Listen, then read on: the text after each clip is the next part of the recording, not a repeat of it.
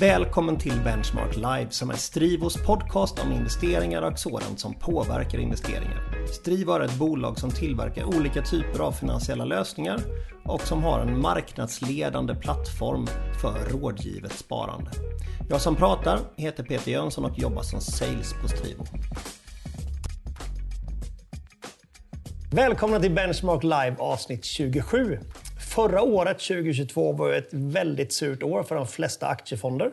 Men alla vi som har varit med några år eh, är ju faktiskt ganska vana vid att börsen har ganska stora svängningar emellanåt. Eh, och framförallt då när det kommer liksom väldigt mycket dåliga nyheter på kort tid. Eh, vad som är kanske mer förvånande är att räntefonder och corporate bondfonder som då ska vara ganska trygga och stabila nästan gick ner lika mycket som aktiefonderna man räknar ihop året. Hur kunde det bli så här undrar man ju såklart. Och med oss för att förklara detta fenomen har vi idag Tom Andersson, förvaltare på Case Kapitalförvaltning. Välkommen till Benchmark Live. Tack så mycket. Har du haft en bra jul och nyår? Jättebra. Skönt att komma på plus minus noll igen. Precis. Nytt år. Nytt år, nya möjligheter. Eh, vi kan väl börja lite med att prata om dig innan vi går in på dina fonder och eh, Case. Vad, vad har du gjort innan du kom till Case? Du har varit här ganska länge. Eh, jag har snart varit 17 år på Case. 17 år. Mm. Så jag kom 2006. Mm. Innan det så var jag i många år på SE-banken. Jag jobbade med portföljförvaltning där. Okej, okay, så inte ränteförvaltare bara utan liksom, hade hand om människors pengar? Ja. Um, och vad gör du på Case idag förutom att förvalta fonder? Uh, nu är jag ansvarig för hela förvaltningsbiten. Ja, just det. Både ränte och uh, aktieförvaltningen. Uh, precis. Och Case har ju växt rätt mycket, så ditt, ditt ansvarsområde har blivit lite större än när du först kanske tog det här jobbet. Eller ja. tog du jobbet efter att ni hade växt? nej. Nej. utan vi har växt väldigt mycket. Mm. Ni köpte ju Selina fonder. Det gjorde vi under fjolåret. Mm. Och nu heter väl de också Case? De heter också Case mm. numera. Precis. Och du är ju i grunden en obligationsmänniska. Så länge jag har känt dig i alla fall, vilket kanske är tio år, mm. så har vi alltid pratat bonds, du och jag. Ja. Eh, men häromdagen fick jag reda på att också förvaltar lite aktiefonder och en fond som heter Allstar. Ja. Som gick väldigt, väldigt bra förra året. Vi ska inte prata mycket om den, men du kan väl bara nämna lite vad som gör den unik. Man kan väl säga att den under fjolåret förvaltades med eh, räntetanken. Mm. Eh, försiktigt, eh, lite defensivt eh, och eh, en koncentrerad fond. Mm. Eh, vad innebär det? Alltså, hur många innehav ungefär? Får inte ha över 30 innehav. Okej. Okay. Så att, nej, det, det var kul att det, den har gått bra nu de sista tre åren. Om vi sen pratar om fondbolaget Case då. Mm. Eh, kan du berätta lite om dess historia? Vi sitter ju i Växjö idag och spelar in och jag tror mig veta att det är lite Växjö-bakgrund i Case. Eh, vi har, har ju en delägare som, som bor i Växjö. Eh, och det är därav vi har ett kontor också här i Växjö. Mm. Och det är ju Stefan Edberg. Just det. Som mm. kanske inte är känd från finansmarknaden utan från baslinjen. Lite mer så, ja. ja. Så att Case startade 2004. Eh, och de som, som startade Case hade ett förflutet ihop eh, på Catella. Mm. Eh, och sen började jag i 2006, då som jag sa. Och ehm, eh, vi finns i Stockholm och Växjö. Mm. Hur mycket pengar förvaltar Case nu efter det här Selina-köpet ungefär? Cirka 14 miljarder. Mm. Vad bra. Du förvaltar ju två obligationsfonder. Mm. Och de flesta som lyssnar tror jag har ganska bra koll på en aktiefond och vad det är och hur aktier fungerar, att det kan gå upp och det kan gå ner och allting sånt. Men när det gäller obligation så är ju kunskapen, vill jag påstå, väldigt mycket lägre. Kan inte du bara liksom ge mig en snabb crash course i obligationskunskap? Jo. Vad är en obligation? En, en obligation är ju egentligen ett skuldebrev. Mm. Eh, man lånar ut pengar till ett företag. Eh, det finns, eh, kan man, vi hade lite förenklat säga att det finns två varianter. Kupongobligation, då är det en fast kupong under hela löptiden. Eller ett så kallat FRN-lån där man får Stibor plus en viss ränta. Ja, just det, så rörlig ränta är det på obligationer, ja. det är fast ränta egentligen. Ja, mm. exakt. Eh, och sen löper de här under en viss tid. Och sen ska ju eh, företaget betala tillbaka de här pengarna. Och den stora skillnaden mellan en aktie och en obligation. Vad skulle, för en aktie kan ju gå ner 100% Det kan ju en obligation också om bolaget går i konkurs. Ja. Men en aktie kan gå upp 50 000 procent om man har riktig flyt på lång tid. Det kan ju inte en obligation. Nej. Är det det som är liksom den största skillnaden? Att, att det är mer förutsägbart med en obligation? Eller vad skulle du säga är liksom skillnaden som, framförallt mellan aktie och en obligation? Eh, precis som du säger där Peter, så, så uh, har vi ju på obligationer så vet vi vad den maximala avkastningen kan bli. Det är alltså ränteutbetalningarna. Mm. Eh, nedsidan är 100% det vill säga att bolaget går i konkurs. I många fall så har vi en fördel om bolaget råkar på obestånd för att man kan då ha säkerheter som ligger till mm. förmån mm. för obligationen. Eh, så i det fallet så kan ju aktieägarna förlora mer än obligationsinnehavarna. En, en liknelse som jag brukar göra. Eh, de flesta som lyssnar på den här podden är ju över 30 år gamla. Eh, och vilket innebär att de flesta kommer ihåg IT-kraschen. Mm. Eh, och om man tar liknelse där med en obligation och en aktie. För de som köpte Ericsson som liksom var det hetaste åren i början på år 2000. Mm. Nu kommer jag inte ihåg vad den kostar, men jag tror att aktien var ner typ 95 procent eller någonting från toppen till botten på en tvåårsperiod innan det vände år 2002. Mm. Um, så om man då ägde aktien under de här två åren så förlorar man 95 kronor av 100. Men ägde man en, om man köpte en tvåårig obligation utav Ericsson under de här två åren, som då förföll år 2002, så fick man kanske, inte vet jag, 5 5 kronor på 100 insatt i ränta varje år ja. och sen fick man tillbaka sina pengar. Ja. Så jämfört med då minus 95 på två års tid i, under IT-kraschens eh, liksom glansdagar så tjänade man plus 10 kronor om man var obligationsinnehavare. Ja. Eh, och det gör ju att förutsägbarheten i en obligation är avsevärt mycket större. Ja. Eh, och uppsidan är avsevärt mycket mindre såklart. Så en obligation är ett värdepapper som egentligen då innebär ett lån till emittenten, det vill säga de som lånar pengarna, med en viss löptid. Och så länge som bolaget då inte går i konkurs får man tillbaka sina pengar plus en ränta. Um, om man tänker på hand, alltså hur man handlar de olika värdepapperna. För om jag vill köpa en, en aktie i, säg, um, Alfa Laval så går jag bara direkt in på nätet och ska se alla aktier som är till salu till olika priser. Och så köper jag hem liksom 100 Alfa-aktier. Det går ju på någon, alltså det går hur lätt som helst. Mm. Men jag har nog aldrig sett liksom att det finns obligationer på det sättet att alla ställer ut pris till höger och vänster och det är jättelätt att få tag på vad man nu vill ha. Eh, obligationer är ju fortfarande en telefonmarknad. Okej. Okay. Så att eh, man, man, ringer upp mäklare på banker, fondkommissionärer och så säger man att jag är intresserad av att köpa eller sälja.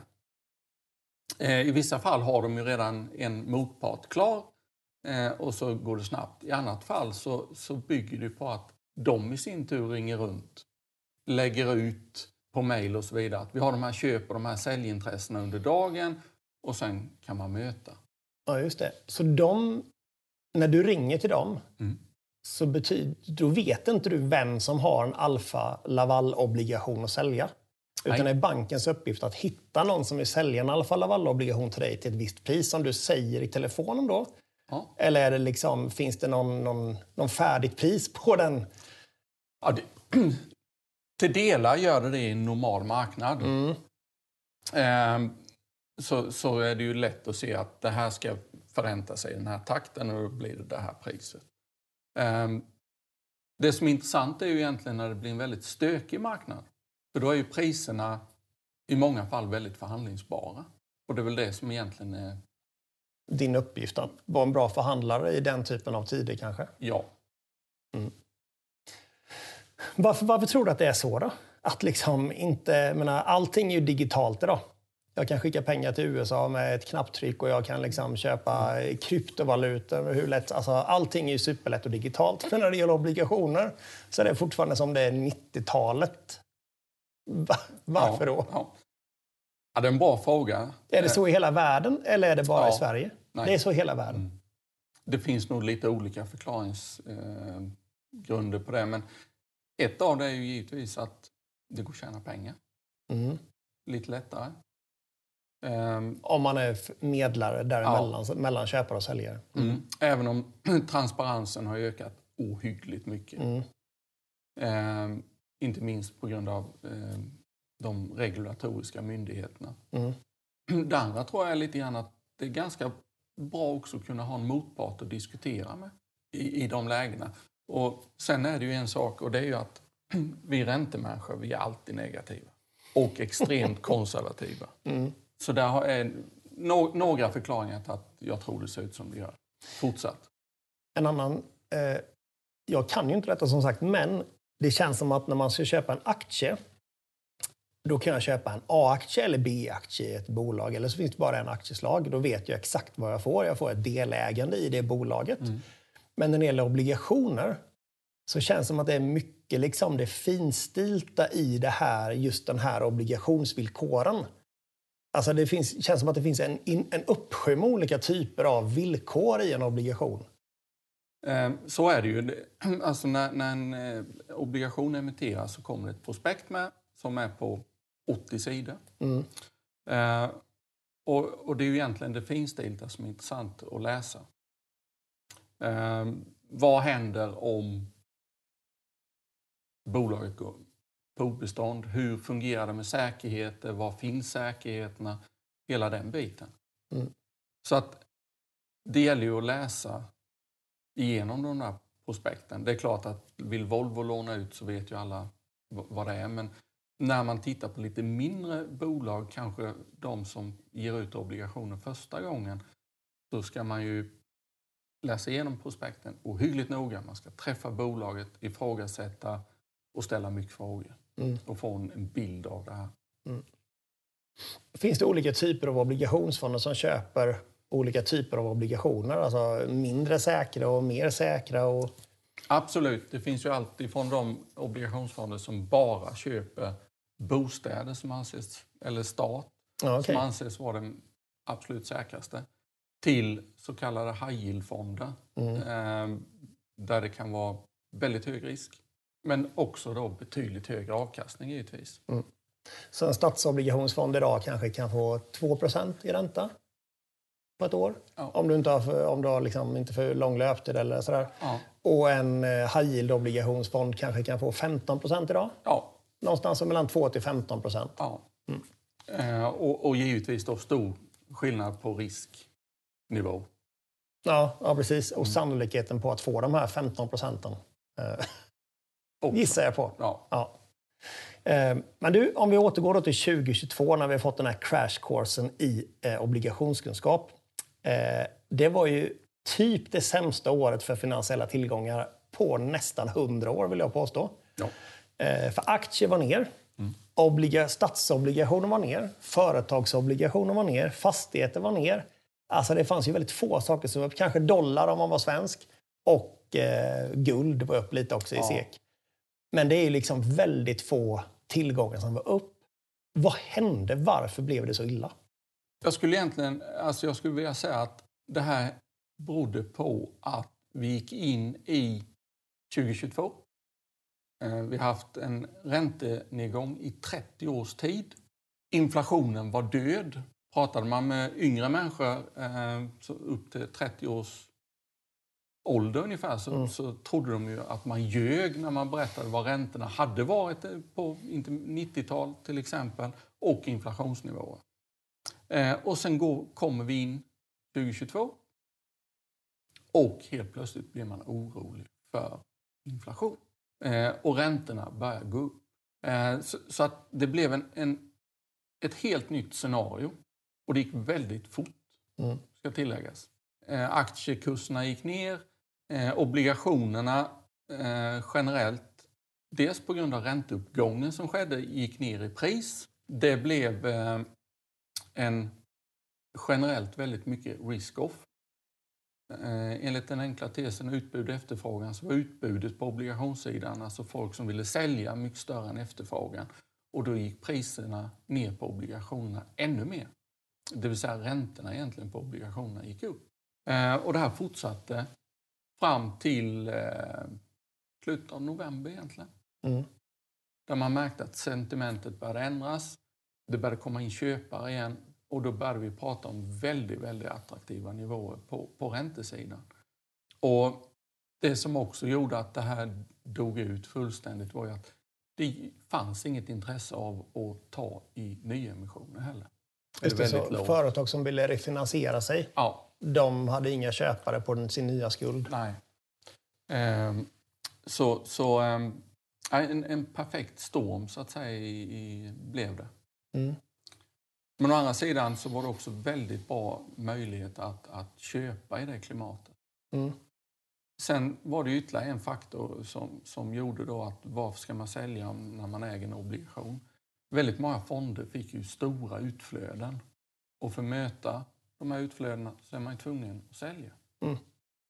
Och då går priserna ner på sina tillgångar som de måste avyttra när ingen annan vill köpa. Ja, någonstans finns ju en köpare, det är en prisfråga. Mm. Mm, det är klart. Om vi, vi, vi, jag tror vi glömde nämna det under crashkursen i obligationskunskap. Mm. Men hur kan en obligation gå ner i pris när företaget som har gett ut den inte förväntas gå i konkurs? För ak- aktien går ju ner när företaget förväntas tjäna mindre pengar. Mm. Men förklara gärna varför obligationer går ner vid den tidpunkten. Mm, man, man kan säga så här att, för att göra det väldigt enkelt. Den ena komponenten är ju räntan. Om vi köper en obligation idag med fem års löptid och så går räntan upp 1% imorgon, då sjunker obligationspriset med 5 Mm. Den ena komponenten, vi fick ränteuppgången. För, för nästa köpare vill ha den där extra procenten i avkastning för Ja. att räntan har gått upp. Ja. Eh, och här kom vi då från extremt låga räntor, vilket fick många obligationer att möta dels ränteuppgången, men även eh, oron i marknaden. Mm. De gick ner 20-25 procent. Eh, I vissa fall där man dessutom blev orolig för ehm, bolagen så tappade obligationerna 50 procent. Mm. Eh, det gick ohyggligt fort. Och eh, vi var ju egentligen tillbaka i vissa fall på nivåer som jag inte har sett sedan finanskrisen. Okej, så obligationsmarknaden var i paritet med finanskrisens nedgång. Inte riktigt, men, men det var inte långt borta. För aktier var inte ner på samma sätt. Det var inte lika blodigt på aktiemarknaden Nej. som under finanskrisen. Nej. Och, och här var ju samverkan som sagt var mellan ränteuppgångar och Mm. oro. För, Och sen ett krig i Ukraina såklart. eh, Som grädde som på också moset. spär på allt detta. ja, Mm, vi ska komma in lite mer på vilka möjligheter som har getts och så. Men om vi tittar på de fonderna som du förvaltar då inom obligationsmarknaden. Mm. Så är det ju två stycken jag förstår. En heter Case Safeplay ja, och en heter Case Fairplay. ja. Eh, lite sport, eh, sportreferenser. Ja. Ehm, är det olika risknivå på dem och har de olika avkastningsmål? ja, det har de. Mm. Eh, Safeplay ska ju vara den, den eh, lite tryggare. Mm. Eh, och där är det så att vi måste ha minst 50% investment grade. Just det. Och investment grade är alltså Office, utgivna av företag som har lägre kreditrisk. precis. Mm. Vi har i dagsläget ungefär 120 olika emittenter. Mm, väldigt mycket riskspridning då med Ja. Mm. ja. Eh, Fairplay är vår high yield-fond. Eh, betydligt mer komprimerad. Den st- stora skillnaden också mellan de här fonderna är att eh, Safeplay har väldigt mycket euro-dollar-denominerade obligationer. Eh, sen tar vi ingen valutarisk för vi säkrar valutan. Ja, just det. Medan Fairplay är eh, betydligt mer SEK Mm. denominerad. Just det. Och så Fairplay är lite mer riskabel, köper bolag som har lite sämre ekonomisk balansräkning. Kan man säga så? Ja, det hoppas jag inte. Men annars borde väl inte ha yield? Nej. Om det var de mest stabila bolagen i världen så hade de inte behövt betala den räntan för att låna upp pengar. Så är det. Men det är också mer, lite mindre bolag. Mm, Okej, och då blir man direkt lite mer riskabel Ja. enligt obligationsmarknaden. Ja. Har de några geografiska begränsningar? Vi har Norden som hemmamarknad. Ehm, Safeplay har eh, Nordeuropa. Okej, så Tyskland, Frankrike, Ja, framförallt Tyskland. Schweiz. okej. Mm. Eh, och ingen valutarisk som sagt. Det är klart, man vill nog inte ha valutavolatilitet i en räntefond, tänker jag mig. Nej. Nej. Och det är därför ni säkrar dem i SEK då? Ja. Eh, Valutan rör ju sig ohyggligt fort. Vad är det för skillnad på de här två fonderna och andra företagsobligationsfonder på marknaden, tycker du? Får du prata lite egen bok här, om ja. du vill. Ja. Men vad tycker du, liksom, varför är dina fonder bättre än alla andra? Så det finns ju en uppsjö av företagsobligationsfonder. Skälet egentligen är ju... Det, det finns väldigt mycket företagsobligationer med, med väldigt mycket olika inriktningar. Men tittar vi i Sverige så har det ju under de här åren varit så att 50 procent av det som har getts ut har varit fastigheter.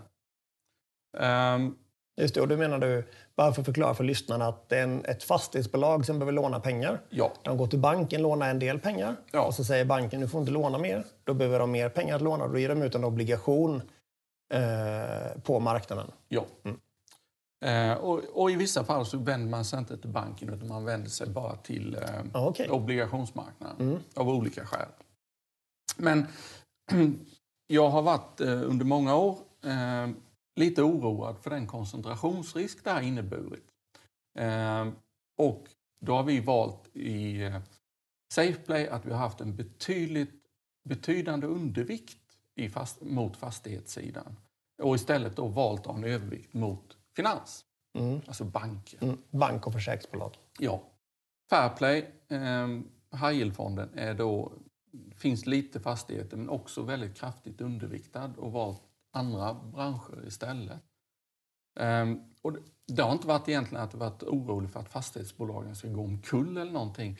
Men Eh, som, som vi sa innan så är det här en telefonmarknad. Om alla, och det som har skrämt mig är koncentrationsrisken, blåser det snålt så har alla vad de vill ha i fastighetsbranschen. Och, och, eh, eh, det som har varit väldigt, väldigt viktigt för mig är likviditet. Mm. Det såg vi ju inte minst under 2020 under coronakraschen som var kanske den första gången som nordisk företagsobligationsmarknad upplevde en riktigt stor och snabb sättning. Ja. Ehm, och och de, den perioden var tuff. Vi hade inget behov av att stänga då. Nej, Ehm, vi hade likviditet. Därmed är inte sagt något om priserna. nej. nej. Men, men eh, vi kunde ta fram likviditet på, på ett bra sätt. Mm, det var ju många andra fonder som faktiskt stängde för uttag under ett antal veckor. Mm. Eh, För att de inte kunde få fram kontanta medel gissar jag på. Ja, Ja. Och då, om vi tar det, för det kanske är flaggskeppsfonden. Den som passar flest kunder, om man uttrycker det så. Med tanke på att det är något lägre risk. Hur gick den förra året? trots att det skulle vara den säkra så, så eh, gick den sämre. Än Fairplay. den mer riskabla? Ja. Eh, hängde ihop mycket med valutasidan. Mm. Eh, man agerar på ett annat sätt, i, eh, delvis i Europa. Eh, man är mycket, mycket snabbare med att sätta ner priserna. Är det för att det är mer likviditet Ja, i Europa än vad det är i Norden? Man, ja, man sätter ner priserna tills dess att man ser var affärerna sker. Ja, okej. Ehm, så tyvärr så, så var den eh, sämre än, än Fairplay i fjol. Minus... Knappa nio. Ja. Tycker att, att liksom det här vi kallar running yield, den, är, den drog ju iväg våldsamt. Och running yield, för de som inte hört det uttrycket innan, vad innebär det? Det är hur mycket räntan tickar i fonden. Allt annat är oförändrat. Så om du har en obligation som förfaller om ett år, Mm. den kostar 95 att köpa idag Mm. och sen så vet du att det är 5 kupong. Mm. Då får du ut 5 kronor i kupong Mm. och värdet går från 95 till 100. Ja. Vilket innebär att då har du 5 plus 5, det är alltså 10 kronor i running yield på 95 insatt, vilket är ungefär 10 i avkastning. Ja. Är det så man ska liksom ja, det är se så man ska se det. Så running yield är alltså avkastning till förfall i portföljen. Ja. Och vad har, vad har den i running yield nu då, får man ju fråga. Eh, ungefär 9 procent. 9% om året. På riskspridning med 100, vad sa du, 125 emittenter. Ja, ungefär. Ja. Det får man ändå säga är väldigt högt. Har du upplevt så hög running yield någon gång i din fond? Du har ändå varit här rätt länge. Eh, nej, vi, som sagt var, vi kommer tillbaka till efterdyningarna på finanskrisen. Mm. Kan du, ge, du sa att många obligationer gick dåligt och framförallt att kanske eh, lågriskobligationer gick kanske till och med sämre än högriskobligationer i vissa fall. Om du säger att investment grade gick lite sämre än high yield kanske. Det lät som det i alla fall eftersom K-Safeplay är en investment grade-fond mer än vad eh, eh, Fairplay är. Kan du nämna några, alltså de flesta vet att något aktie, någon aktie gick ner mycket förra året, liksom, för det Mm. har man sett i portföljen. Men det är väldigt få privatkunder som äger en enskild obligation. Mm. Utan man ser kanske sin obligationsfond, att den har gått ner då 9 säg. Ja. Men kan du nämna något bolag som de flesta känner till som, har, som du liksom kan nämna hur prisrörelsen har varit sista året? Säg. Man, man kan väl säga om man tittar på fastighetsbranschen. Mm. Eh, många, framförallt de som har gett ut i euro. Eh, lite speciell typ av obligation förvisso, men där ser vi ju prisnedgångar från 100 till allt ifrån 80 till 45. Så Ungefär. minus 50% liksom på en obligation. Ja. Och det är klart, det, den, eh, den var väldigt svår att förutsäga. Mm. Men då gissar jag på att det är fastighetsbolag som har ganska hög risk, alltså ganska mycket lån och liksom... Vi pratar om de stora fastighetsbolagen i Sverige. Okej. Men om man tittar på bolag som är mer stabila kanske då. Om vi tar sig Telia. Liksom en Telia-obligation, gick den ner förra året också? För Telia kommer ju inte rimligtvis gå i konkurs, tänker jag mig. Nej, men de gick också ner eh, 10-15 procent. Ja, det är så mycket alltså. Mm. Om vi pratar våra storbanker, de kommer förmodligen inte heller gå i konkurs. Nej, det ju... Och de också ner typ 10% eller? Ja, och lite till Ja, i det är vissa fall. Jag tror inte det är många som vet om att, att liksom en storbanksobligation kan gå ner med 10, 15, 20 procent kanske Nej. i värsta fall. Och som sagt var, återigen, beror på två saker. Ränteuppgång och risk av Mm. att man, Ja, man vill sälja helt enkelt. Och då utbud efterfrågan, priset går ner. Eh, Men det gör också såklart att när det går ner då en hel del, eh, till exempel en storbank i Sverige, så borde du ju känna att det här är lockande att få liksom 7% eller vad man nu kan få på att köpa SEB-obligationer. Alltså förstår du, måste, som du sa innan, att det blir rätt... Du borde bli rätt sugen på att köpa när priserna har gått ner rätt mycket. Så är det ju. Vad ser du störst möjligheter idag då? Liksom, vad är dina, kan man säga så? För en aktiefond har ju ofta största innehav kanske liksom ligger på 7, 8, 9, 10 procent utav portföljen. Eh, hur stort är ett stort innehav i, en, i din fond? Det är ju egentligen 2-3 procent. Ja, då, är liksom, då, då är du väldigt confident att det här kommer gå bra. Ja. Och vad ligger där uppe i din portfölj? Alltså, kan du nämna några bolag? Handelsbanken, SEB. Mm, ja, det är de här svenska storbanksobligationerna som ligger där. Ja. Och vad, vad kan man förvänta sig i, vad har de för running yield eller vad, vad det var för uttryck du hade Mm. i viss, Eh, nu har den kommit ner lite. Men, alltså gått ner i pris eller running yielden har gått ner, det vill säga obligationer gått upp. Exakt. Det är svårt att nämna upp och ner. Ja. Eh, men runt 7,5 procent på två år. På två år. Mm. Och det är 700 procent per år då på, i två Ja. år. Så det är 15 procent på två års löptid Ja, just det. totalt då. Mm. Ja, det är otroligt bra. Ehm, varför köper inte privatpersoner de här själva? Är det minsta poster om x kronor? Liksom? Ja. Det går inte att köpa dem i 10 000 kronors poster gissar jag på. Nej. Utan här är ju vanligtvis en miljon Mm. minimum. Um, SEK eller euro eller dollar. Och Mm. det är klart, euro-dollarmarknaden då, ja då pratar vi ju 10 miljoner kronor. Och sen måste man nog valutasäkra dem i SEK också om man är privatkund. Ja. Och det är klart, det är väldigt, väldigt mycket pengar. Också svårt att få riskspridning om det är liksom 10 miljoner per klipp och du vill ha 20 obligationer som kanske vill i en aktieportfölj. Så är det ju ändå... Då blir det väldigt mycket pengar. Du måste vara väldigt förmögen privatkund om du ska kunna risksprida. Ja. Och det är ju därför då obliga- företagsobligationsfonder fyller ett stort syfte egentligen. Ja, Med tanke på att det är så stora poster på varje, varje emittent. Och när det gäller branschgeografi, är det fortfarande så att ni är mest eh, vad man säga, bullish eh, finans och försäkring som det varit de sista åren? Eh, eller har ni ändrat om någonting sen priserna ändrats så pass mycket? eh, fortfarande kraftig, kraftig övervikt bankförsäkring. Mm. Tycker det är fortsatt väldigt bra risk-reward i sektorn. Eh, vi har eh, köpt lite grann eh, andra branscher också. eh, när vi tycker att efter de här stora nedgångarna så börjar det bli attraktivt. Har ni till och med köpt fastighet? Till och med lite grann det. Okej, i Norden. Ja. Och då har du, vad har du för running yield på en sån då? När du väl, för om, om du i grunden är lite mer negativt inställd till fastighetsbolagen Mm. och ändå väljer du att köpa det. Då gissar jag på att det är mer avkastning än 7% om året som du kan få hos Handelsbanken. Ja. Vad liksom, vågar du säga vad, vad Nej, det- det förväntad knappt. avkastning är på en sån? Är det så extremt högt så att man liksom Ja. inte ens vågar... ja. Okej. Det är det. Så det är väldigt, väldigt god eh, avkastning. Och, och priserna är väldigt låga.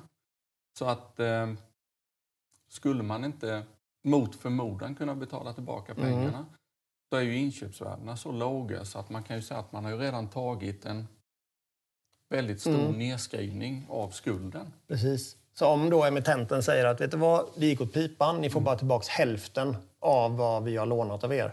Då kanske du ändå går plus för du köpte dem för mindre än hälften av nominellt belopp. Ja, exakt. Mm, det är ju häftigt. Det är häftigt. Inte trodde jag att det var så häftigt med obligationer som är känt för att vara så tråkigt. Om vi tittar på 2023 då. Eh, största möjligheterna i dagens marknad och var finns de största riskerna? Det låter lite på dig som att största möjligheterna och största riskerna är bland våra fastighetsbolag. Eftersom det är det som avkastar mest. Ja, jag, jag skulle nog vilja säga att de största möjligheterna samtidigt som de största riskerna idag ligger på makronivå. Mm. Ehm, och, och vad menar jag med det? Ja, jag, jag tror ju att det här året ehm, kommer gynna obligationsägare. Obligationer har ju många år gynnat aktiesidan så att säga. Ak- ehm, bolagen har kunnat låna pengar extremt billigt. Nu har räntorna gått upp. Vi eh, börjar tjäna lite pengar på räntan helt enkelt. Mm. Och, men med makrosidan där så är ju frågan, vad gör centralbankerna? Kommer inflationen avta under året? Den har redan börjat i USA, Den har, om den här trenden fortsätter. ja, den har börjat i USA, Sverige fortsatt högt, men Mm. man, marknaden börjar ju prata om att någon gång här under året så kommer räntorna att toppa ut från centralbankshåll. Och gör det det så, så bör det gynna obligationer. Eftersom obligationsräntorna nu i mångt och mycket är så pass höga. Mm. Samtidigt som, som eh, skulle inflationen inte avta så är det ju, vilket jag inte tror, men det är klart, då är ju det negativt. För då kommer man att behöva agera ännu hårdare. Det är klart. Men det, det tror jag inte på. Tittar man på konjunkturen, som ser ut som att den viker, eh, liksom i alla fall en del, kanske mycket till och med. Eh, fraktpriserna ner med typ 80 procent sen toppen. Energipriserna blev inte så höga som alla trodde. Eh, eh, fertilizer, vad heter det? Det heter ju gödningsmedel. Konstgödsel. Har gått också gått ner typ 60, 70, 80 procent sen toppen. Så det är väldigt mycket som har gått ner mycket i pris, men det syns ju inte än. Tänker jag mig. För tittar man matpriserna som är upp typ på 20 procent på ett Ja. år ungefär. Ja. Det vi köper nu var ju det som odlades i somras Ja, till väldigt höga eh, fertilizerpriser. Mm. Så det är väl mycket som tyder på att inflationen inte kommer ligga på 10-11 procent år ut och år in de kommande åren. Gissar jag på. den uppfattningen delar jag med. Det verkar också som att obligationsmarknaden delar din och min uppfattning. Med tanke på att räntorna på femårsräntan liksom är inte 10 procent utan är runt 3 procent. Ja, Eller hur? Så det betyder att obligationsmarknaden, som ofta då sägs vara ganska smart, säger också att inflationen kommer gå ner mot 3 gissar jag på. Kan Ja. man tolka det så? ja, Ja.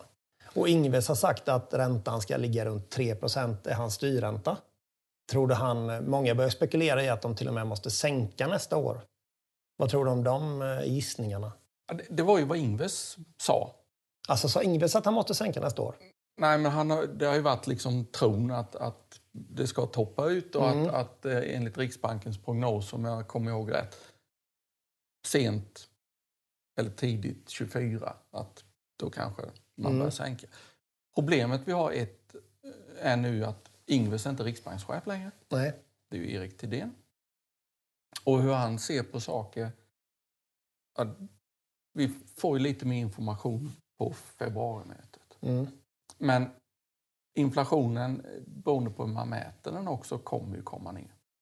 Därmed är det inte sagt att priset på mat kommer Nej, nej. att gå ner utan den kommer ju i kronor och ören ligga kvar på, är jag övertygad om, på de nivåer vi har. Så att det blir mindre pengar kvar i plånboken. Eh, Och historiskt sett så, så det som har drivit inflationen är lönerörelsen. Och det får vi se här på vårkanten vad, vad, vad den blir. Så om vi tror att då räntorna inte kommer öka härifrån, om man pratar riskfria räntorna, Nej. utan kanske till och med börja sakta dra sig neråt de kommande åren. Eh, Jag vet ju när vi har pratat tidigare år så vet jag att ni har haft väldigt kort duration som det heter, alltså väldigt lite ränterisk i portföljen. Ja, Har ni ökat durationen nu för att tjäna pengar på när räntorna kommer ihop? inte ännu. Nej? Det är någonting vi, vi följer väldigt noga men än så länge så har vi valt att ha en kort duration. Mm. Och då innebär det mycket FRN-lån som vi pratade om i början, att Ja. det är rörlig ränta på Ja. dem. Liksom. Och eh, kupa, eh, obligationerna är också korta löptidsmässigt. Mm. Precis. Annars blir ju kreditdurationen väldigt stor om någonting skulle hända med bolaget såklart. Om, vi får, eh, om du ska gissa på liksom hur året ser ut. Eh, Du säger att vi har runt 9% i running yield på Safeplay och det är då, vad är det på eh, Fairplay? Nästan 12. Nästan 12. Så vad du, in, vad du säger att om ingenting händer med räntenivåer och kreditspreadar eller konkurser i portföljen så kommer du avkasta 9% ungefär i Safeplay. Vad tror du Safe, nu får du gissa, det här är ingen, ingen rekommendation, men vad tror du Safeplay har avkastat fram till nyår eh, 2023? Mer eller mindre än 9 Den är fruktansvärt svår. Jag brukar inte uttala mig om det. Nej, okej. Utan jag brukar bara säga att allt, om allt är oförändrat Ja, så blir det som, som du ja sa. nej, men precis. Eh, sen, eh, men som sagt jag, jag tror det blir ett bra år för obligationer. Mm. Klart, efter ett sånt år vi hade förra året, jag vet inte hur ofta det har hänt att det var två stycken riktigt dåliga obligationsår i rad. Jag har nog svårt att se att det varit så ofta. Ja, det är länge sedan. Ja, det är länge sedan. Det kanske kommer nu, vem vet? Är det någonting du känner att vi har glömt att beröra? Eh, någonting mer du skulle vilja säga om dina fonder? Nej. Nej. Eh, Men tack så mycket Tom och tack för din medverkan. Eh, Vi får väl göra så att vi gör ett återbesök om ett år och se hur allting blev utav alla våra gissningar och förutspåningar. Tack så mycket! Tack själv. Det du hört i denna podcast ska inte ses som rådgivning rörande finansiella placeringar eller investeringar, bokförings-, skatte eller juridiska frågor. Du ska inte basera dina investeringsbeslut på det som framkommit i podcasten. Kontakta alltid din rådgivare för att bedöma om en placering eller investering är lämplig för dig.